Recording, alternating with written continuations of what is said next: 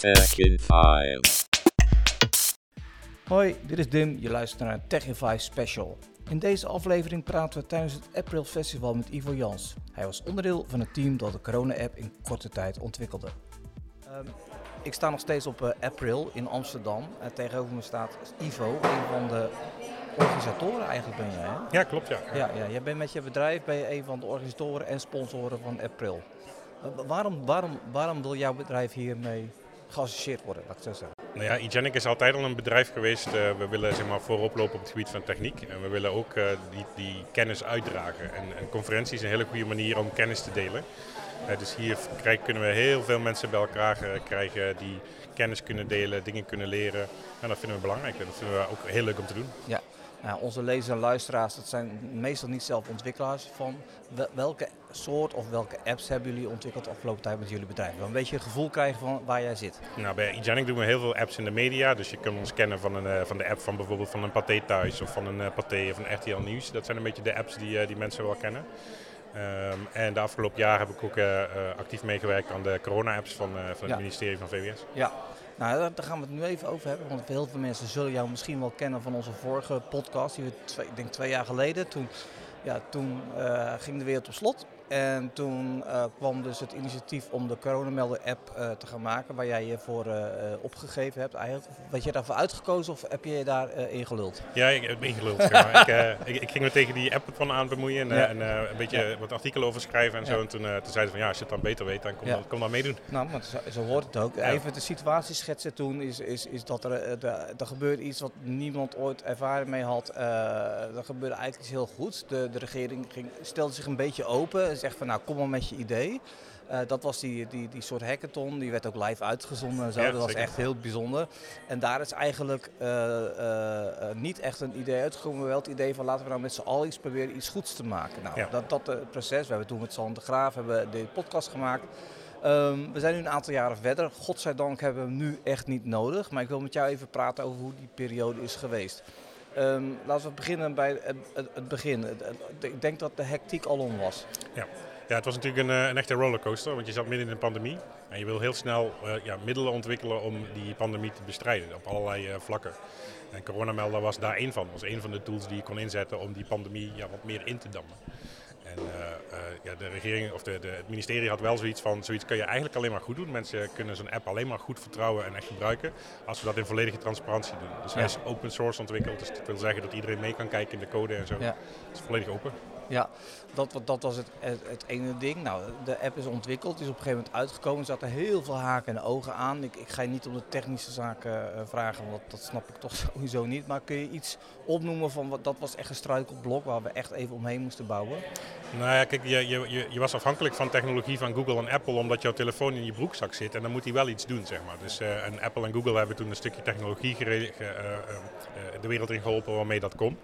En eh, dat hebben we toen ingebouwd. Maar dat, ja, dat, zonder dat stukje technologie wa- had die app niet zo goed gewerkt. Dus dat, eh, dat, dat- dat was wel fijn dat ze dat hebben ingebracht. Ja, ben je een klein beetje afhankelijk van dat zo'n grote technische partij dat dan doet. Ja. ehm, kijk, de Coronamelder-app was een, een technisch hoogstandje. De Coronamelder-app was een, een, een, een mooi organisatorisch hoogstandje vanuit, vanuit de regering. Waar we natuurlijk niet allemaal even blij mee zijn hoe dingen gedaan worden met aanbestedingen en zo. Dus dat was een heel mooi voorbeeld hoe het wel kon. Ja. Maar er zat ook een soort sociaal-maatschappelijk ding aan. Hè? Dus, dus, dus, ja, goed, we weten allemaal, in het begin waren we allemaal geschrokken. Toen op een gegeven moment heb je eh, kan voor, kan tegen. En mensen zeggen ja, maar zo word ik in de gaten gehouden. Hoe ga je daar als ontwikkelaar mee om? Met, met, vooral die negatieve feedback die je krijgt. Nou ja, kijk, je, hebt voor elk stukje negatieve feedback waren er ook een hoop mensen die het zeg maar, heel gaaf vonden. En dan eh, niet alleen maar, hoe die app werkt, maar ook hoe die tot stand gekomen is.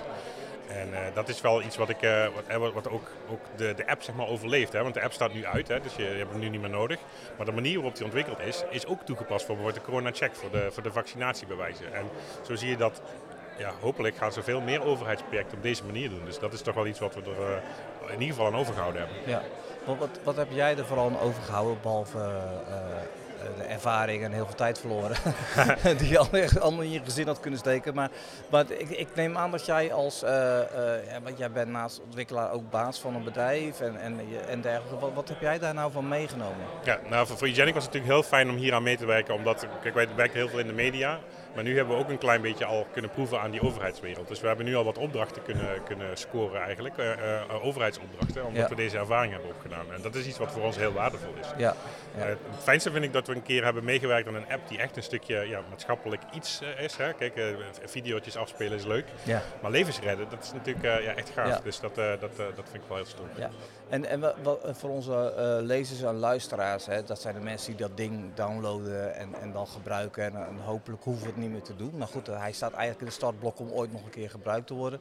Um, um, hoe, hoe, hoe, vind jij dat ze hier tegenaan moeten kijken? Want ik, er is nooit een moment in de geschiedenis geweest dat iets technisch met, met onze overheid en, en de mensen op straat, dat, is, ja, dat ontplofte helemaal. En daar gebeurde heel veel omheen. Ik het niet zo goed onder woorden bij verdenken, maar, bij, bij, maar wat, wat vind jij dat, dat men daaruit mee moet nemen of, of moet begrijpen, zeg maar? Nou, er zijn natuurlijk in het verleden vaker pandemieën geweest, maar dit is de eerste pandemie waarbij we technologie hebben kunnen inzetten om iets te betekenen. En, uh, dus dus uh, wat, wat iedereen eruit kan, uh, kan meenemen is dat we dus techniek ook kunnen inzetten om goed te doen. Kijk, iedereen is er heel erg aan gewend geraakt dat techniek wordt gebruikt om je te tracken. Uh, overal worden cookies geplaatst. Uh, Facebook kan zien precies wat je doet en zo. En hier hebben we laten zien dat die techniek ook ingezet kan worden op een manier die niet je privacy schendt. Want ik durf te, te stellen dat het een van de meest privacyvriendelijke apps is, ondanks dat, het, zeg maar, het doel wat hij heeft. maar de app weet niet waar je bent. hij trackt niks. Er zit helemaal niks van cookies of trackers in. Dus we hebben hier ook laten zien hoe, dat, hoe het goed kan. Dus dat niet elke app jouw privacy hoeft te schenden. Dus het is ook een voorbeeld van hoe, dat, ja, hoe je eigenlijk als appbouwer dit soort dingen ja.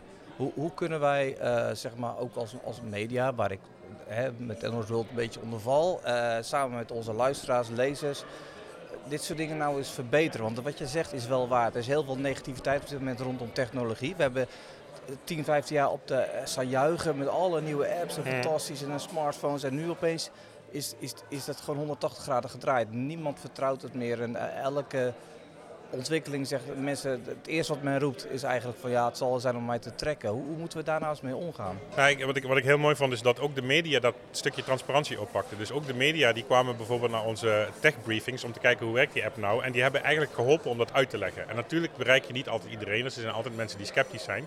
Maar de media hebben ons wel geholpen om die boodschap uit te dragen. Om te laten zien van kijk, het is open, daar staat code, iedereen kan het bekijken. Dus hier word je niet getrackt. En uh, ja, wat de, waar de media toen heel, mee, heel goed mee geholpen heeft, is die boodschap wel overbrengen. Ja. Ja, en dus, dus, maar het is open source, dus mensen zelf kunnen zich ook verdiepen in, in, het, in, het, in het systeem. Ja, je moet natuurlijk een beetje een technische achtergrond hebben om die code te begrijpen. Maar kijk, als je, als je echt twijfelt, als je zegt van nou, ik geloof dat niet, ik denk dat die app mij trackt. Ja, dan, dan kun je altijd aan een expert vragen van hey, kijk eens naar die code. En uh, die zal je dan vertellen van nee, hier zit uh, absoluut geen tracking in. Ik, ik, hoop dat je in de toekomst nog eens een keer zoiets mag doen, maar dan met een meer positieve, positieve reden. En uh, dankjewel voor je tijd. Graag gedaan. Tech in 5.